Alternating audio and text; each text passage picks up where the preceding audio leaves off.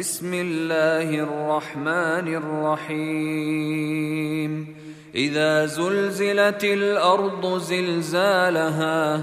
وأخرجت الأرض أثقالها وقال الإنسان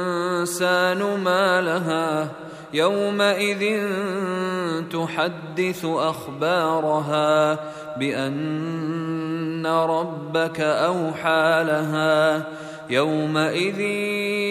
يصدر الناس أشتاتا ليروا أعمالهم فمن يعمل مثقال ذرة خيرا يره ومن يعمل مثقال ذرة شرا